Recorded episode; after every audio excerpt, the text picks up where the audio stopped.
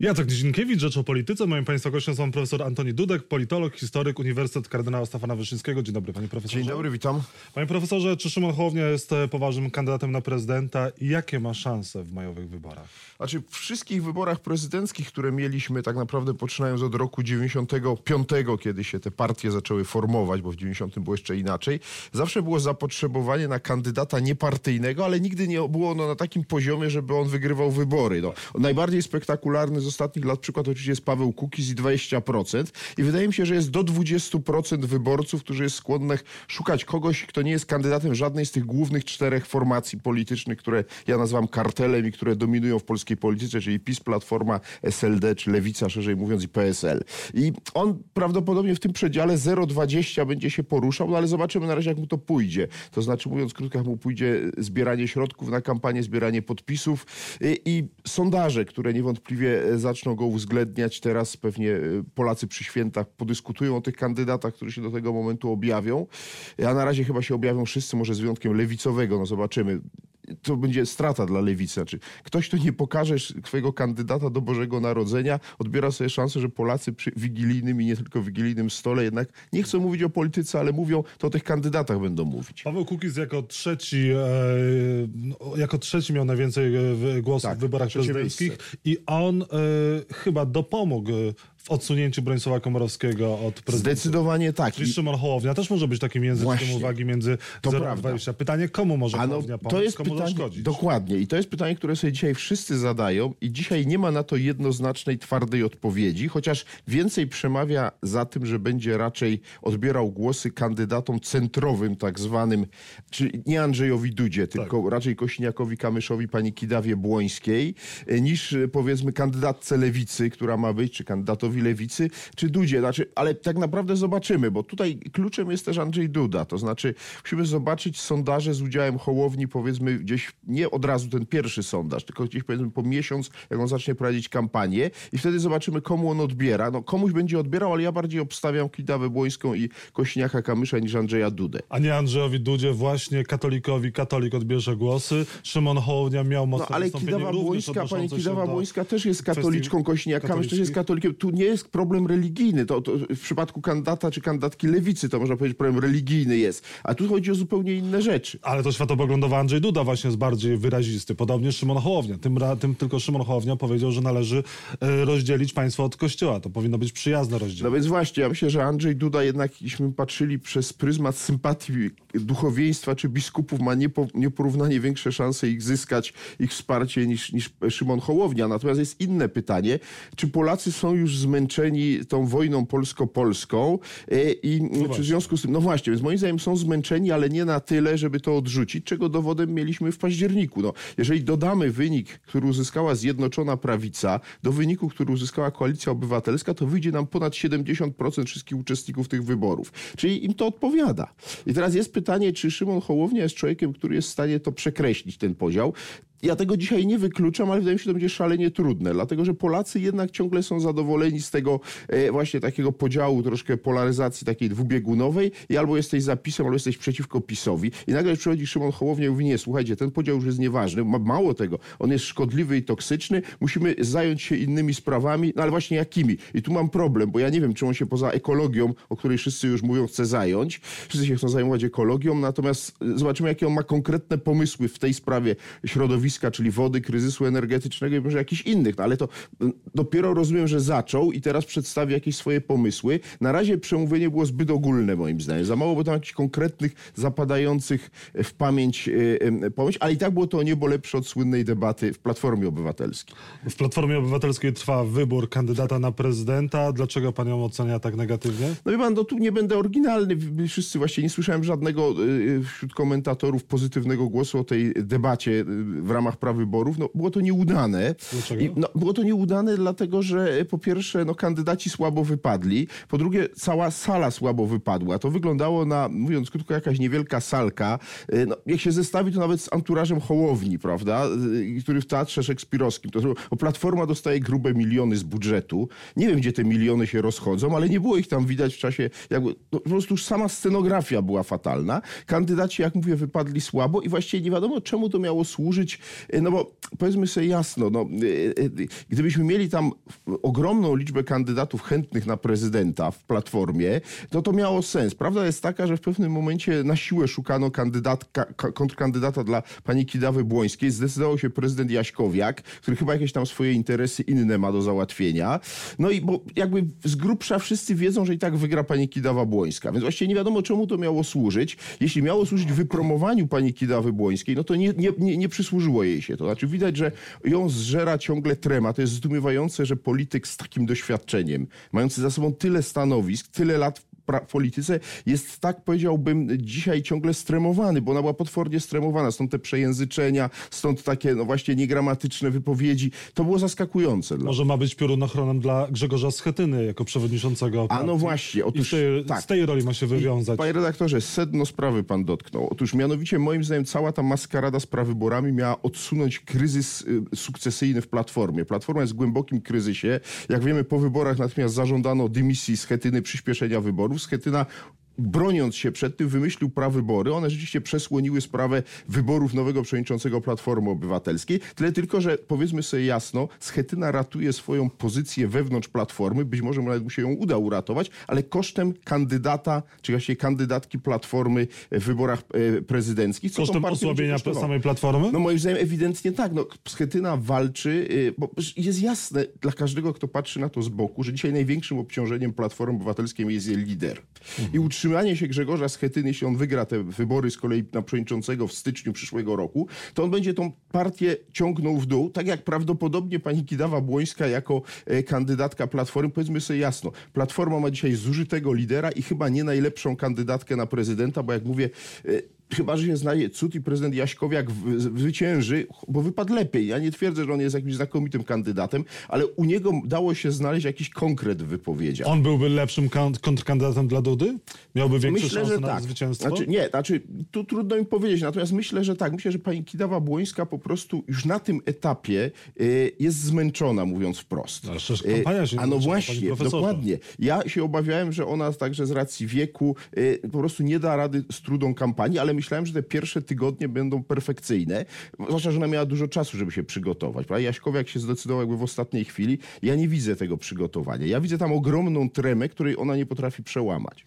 E, czyli co, chce pan powiedzieć, że Andrzej Duda ma wygraną w kieszeni? Nie, w kieszeni nie, bo wybory prezydenckie w Polsce są zawsze niesamowitą ruletką i nigdy do końca nie wiadomo... E, co ta kulka, na które pole wpadnie. Natomiast dzisiaj rzeczywiście tak. Dzisiaj najbardziej, największym zagrożeniem dla Andrzeja Dudy jest on sam. Ja tak patrzę, jak patrzę na te, tych wszystkich potencjalnych przeciwników, to na razie tak to widzę. Czyli mówiąc krótko, y, chyba jednak nie uda mu się wygrać y, y, w pierwszej turze. Mówię chyba, bo po tym, co na razie zaprezentowali konkurenci, to to słowo chyba jest uzasadnione. A jeżeli tak, no to z kimś się znajdzie w drugiej turze. I wtedy jakieś jego błędy w kampanii, plus powiedziałbym pewien zmierzch PiSu, który ja dostrzegam, y, może go no, y, y, po prostu obciążyć. Ale to jest dopiero w drugiej turze. Natomiast dzisiaj na razie on jest faworytem faworytem bardzo zdecydowanym. PiS też jest e, faworytem w sondażach. Pan dostrzega zmierzch PiSu? Tak, dostrzegam zmierzch PiSu. Uważam, że ta partia apogeum swojej potęgi osiągnęła między majem a październikiem tego roku.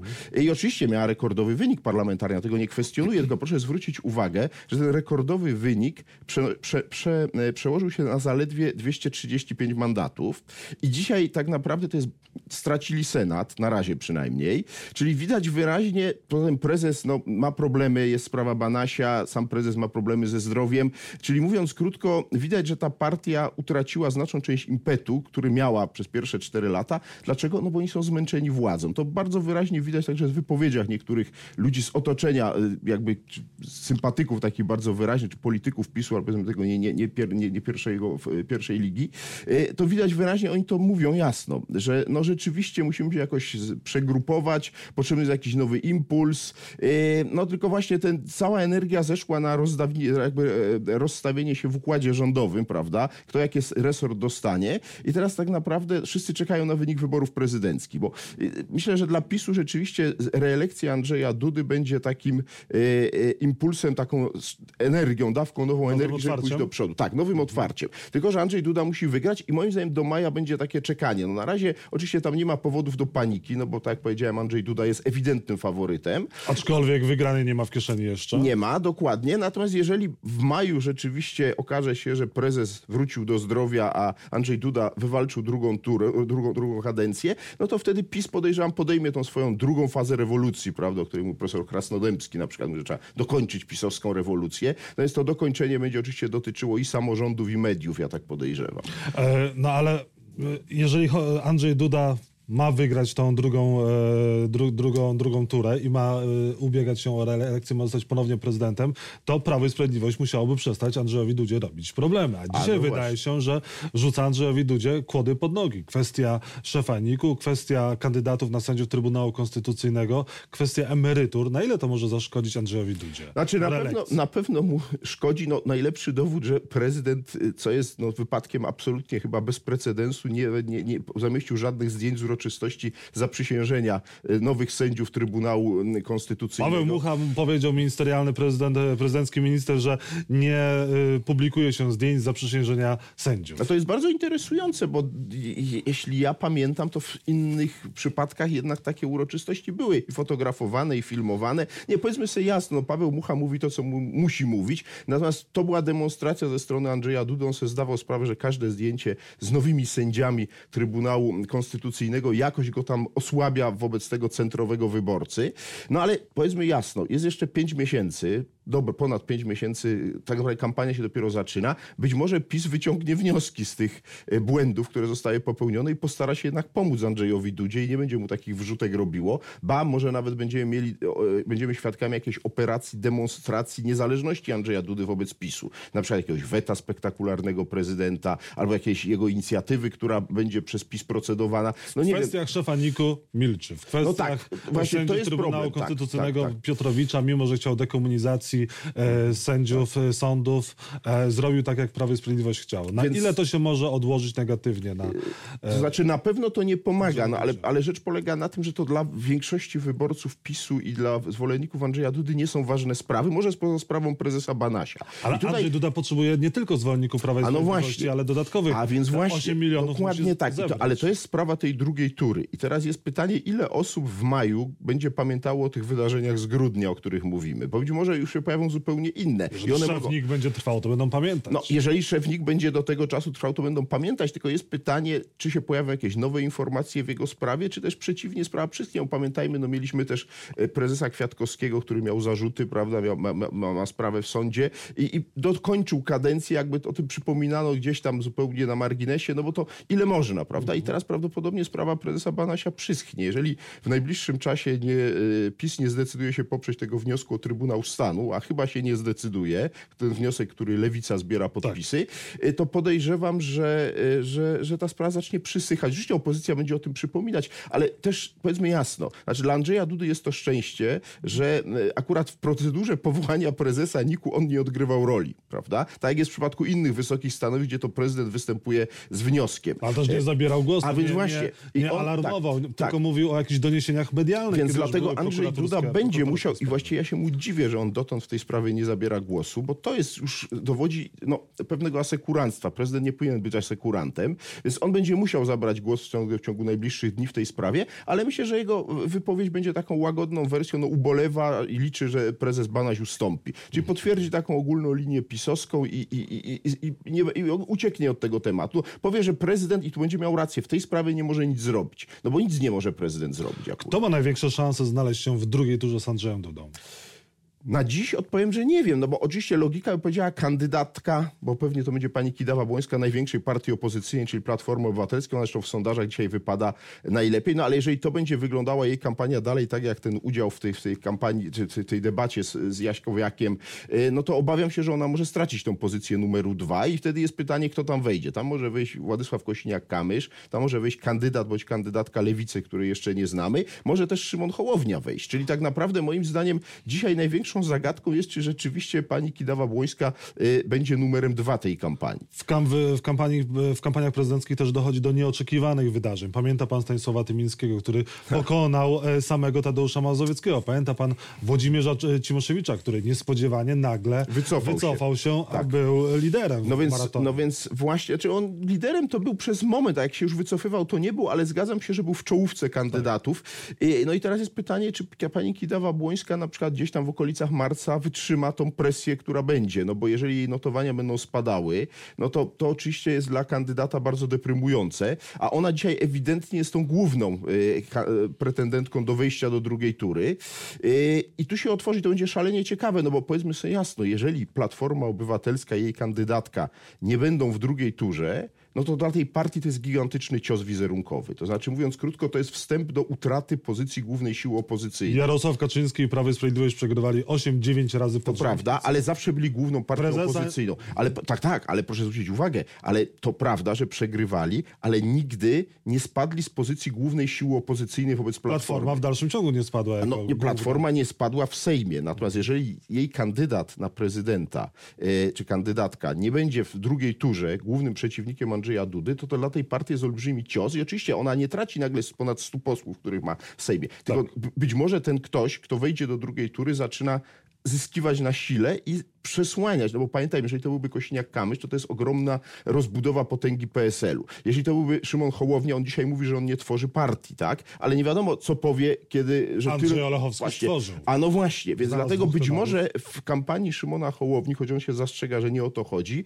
e, ci, którzy za nim stoją, bo my tak naprawdę nie wiemy, kto za nim stoi, ale umówmy się, no to jest bardzo sympatyczny, rozpoznawalny człowiek, ale to nie jest tak, że on sobie mógł to wszystko już sam zorganizować, więc ci, którzy za nim stoją, być może testują też, jakie jest miejsce dla, w centrum sceny politycznej dla nowego ruchu politycznego. Bo rzeczywiście, jak pan słusznie powiedział, kazus Olechowskiego jest najbardziej znany. Wybory prezydenckie bywały często wstępem do budowy nowego ruchu politycznego. Jeżeli wygra ponownie Andrzej Duda, kandydatka Platformy, przegra te wybory, Schetyna po kolejnych przegranych wyborach powinien podać do dymisji? Iwan, no, zostać zmieniony ja dla tak, partii? Grzegorz Schetyna w tej chwili musi wygrać wybory, które jak rozumiem będą w styczniu.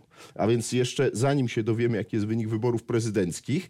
I powiem tak, jeżeli on się utrzyma, y, to w moim przekonaniu on będzie takim y, y, człowiekiem, który będzie stopniowo składał Platformę Obywatelską do grobu, dlatego że on jest zużyty jako lider i jeśli ktoś tego nie widzi, to są to tylko ci ludzie z tego szeroko rozumianego aparatu Platformy Obywatelskiej. Chyba widzi to Donald Tusk, który miał już zrezygnować z polskiej polityki, a jednak e, cały czas daje o sobie znać, udziela wywiadów, wypowiada się bardzo znacząco na temat PiSu, na temat Platformy i kierunku, w jakim ta partia powinna podążać. Tak, to prawda, tylko że y, no właśnie Donald Tusk y, y, miał szansę, żeby zaistnieć w polskiej polityce bardzo mocno, bo gdyby powiedział, że będzie kandydował, to prawdopodobnie pani Kidawa-Błońska by się wycofała i dzisiaj Donald Tusk byłby kandydatem Koalicji Obywatelskiej. Tak mi się wydaje, że jednak jego ranga i pozycja tam jest na tyle silna, że był nieodmówiony, nie byłoby żadnych prawyborów. On się nie zdecydował, no bo prawdopodobnie przesądziły te badania dotyczące tak zwanego elektoratu tak. negatywnego. On zrozumiał, że co z tego, że wejdzie do drugiej tury, jeżeli tam nie, nie wygra.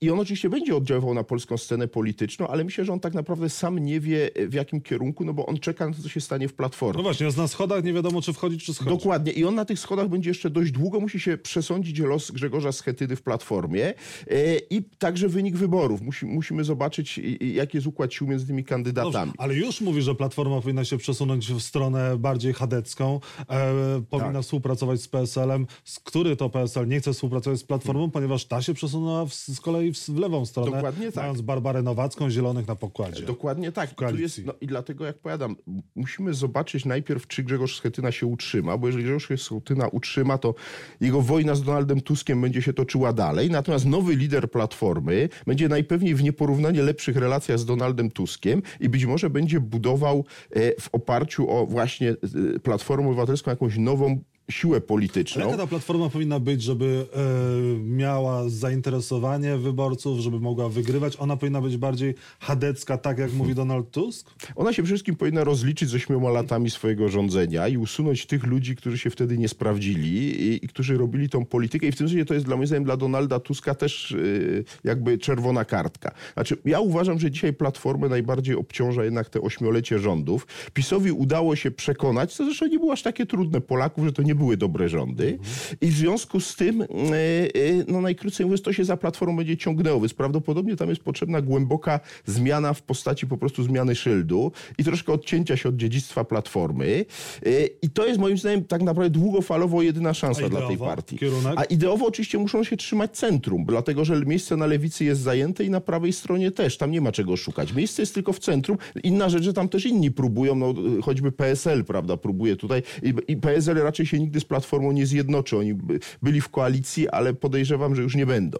Olga Tokarczuk miała odczyt w Sztokholmie e, w związku z Nagrodą Nobla. Dużo mówiła również na tematy polityczne, społeczne, nie wprost mówiła o kwestiach e, ekologicznych. Na ile chociażby takie wystąpienie Olgi Tokarczuk może oddziaływać politycznie, na ile te kwestie, które ona przemycała w tym swoim mhm. odczycie, mogą oddziaływać na Polaków, otwierać im oczy, może decydować pan, o, Podejrzewam, o że Olga Tokarczuk jest poważana w tej części. Ona padła ofiarą jednak, jak tak obserwuję, tej wojny plemiennej, która trwa w Polsce i tylko jedna strona barykady się cieszyła z tego jej, drugiego, tego jej nagrody Nobla. Druga strona już jest tak zacietrzewiona, że obie są, że e, mówiąc krótko, gdyby Marek Rymkiewicz dostał e, nagrodę Nobla, to prawdopodobnie byłoby odwrotnie. Znaczy mówiąc krótko, jesteśmy tak podzieleni, że nie potrafimy się z tego cieszyć. Politycy Prawa i Sprawiedliwości w sobotę nawet na Twitterze nie zauważyli jej odczytu, gdzie Dokładnie. wszyscy to komentowali. Dokładnie, ponieważ wiadomo, że ona jest bardzo krytyczna wobec PiSu, no to PiS jest bardzo krytyczny wobec niej, jakby uznając, że ona jest elementem wojny y, kulturowej w Polsce.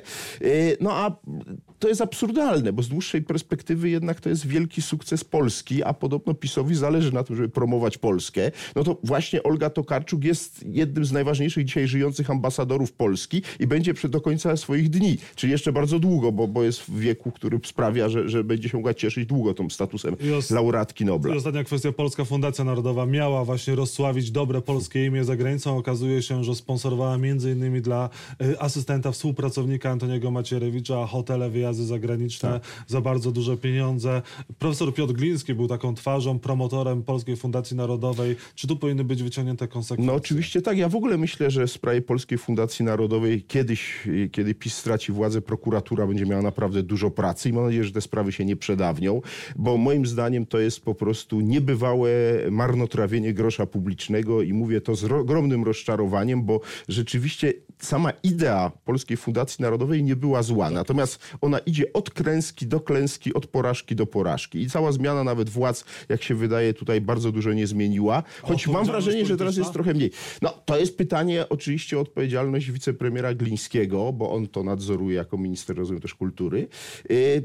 Y, no ale wybory były niedawno, odpowiedzialność polityczna się ponosi w wyborach. No, zawsze Jarosław Kaczyński może zdecydować, więc... słuchaj, tutaj coś nie... Nie, nie, ja myślę, że Jarosław Kaczyński ma dość innych problemów, y, y, żeby się zajmować Polską Fundacją Narodową. Poza tym on jest przekonany, że tam jest wszystko wspaniale, tylko złe media krytykują, prawda, i zawistni jacyś tam profesorowie, którzy się tam nie znaleźli w Radzie Nadzorczej, to też narzekają, a w ogóle to jest to fantastyczna instytucja.